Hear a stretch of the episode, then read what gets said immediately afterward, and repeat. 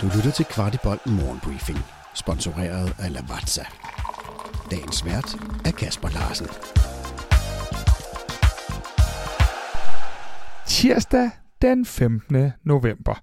Vi skal da lige svælge lidt i den skønne 0-2 sejr i Aarhus søndag eftermiddag. For vores keeper Kamil Gabara kunne ikke dy sig for lige at stikke lidt til AGF-fansene og fortalte efter kampen, at han absolut ingen følelser har for AGF. Han siger videre til Viaplay, jeg har aldrig været AGF-spiller, da jeg jo kun var lejet hertil. Gabara siger også, at han er helt cool med de buråb, han blev mødt øh, med, men at de så også måtte kunne tåle at få lidt den anden vej, da han jubler efter FCK-scoringer. Og mere Kamil Grabara, for sørme om ikke Kamil alligevel fik snedet sig med til VM, da hans kollega Dragowski løb ind i en alvorlig skade og desværre misser VM. Gabara blev med det samme udtaget, og dermed har FC København to keeper afsted til slutrunden, da Matt Ryan for længst er udtaget til Australiens trup. Dermed tæller vi tre FC København-spillere, der skal til VM. da eneste FC Københavner i den danske trup jo, som bekendt er Andreas Cornelius. Og vi bliver lige i Aarhus, for der blev som bekendt scoret mod os efter en dødbold, som var efterfølgende underkendte. Vi er tilbage igen Efter morgen kampen sagde cheftræner Jakob FCK-nyheder. at han synes dommen var korrekt, men at han ikke forstod Nikolaj Poulsen i situationen. For en gylden regel er altid, at man skal så hurtigt væk fra stregen, ellers er det dumt. Nu vil vi her på Kvartibold altid gerne snakke med respekt om modstanderen, så ja, den lader vi bare stå lidt endnu.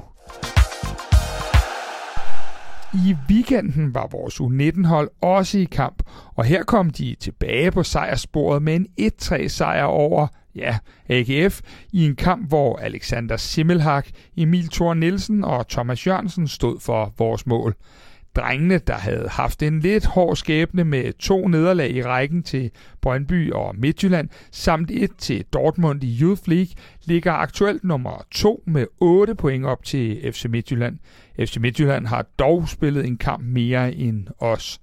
Drengene spiller først næste kamp den 3. december, hvor vi hjemme tager imod Silkeborg. U17-drengene led i weekenden et yderst sjældent nederlag, da de som den eneste af vores tre hold måtte rejse hjem fra Jylland uden point. Drengene blev slået 1-0 af AGF, men indtager stadig førstepladsen med et point foran netop AGF og med hele to kampe i hånden. Mandag kom også programmet for FCK-spillerne de kommende måneder.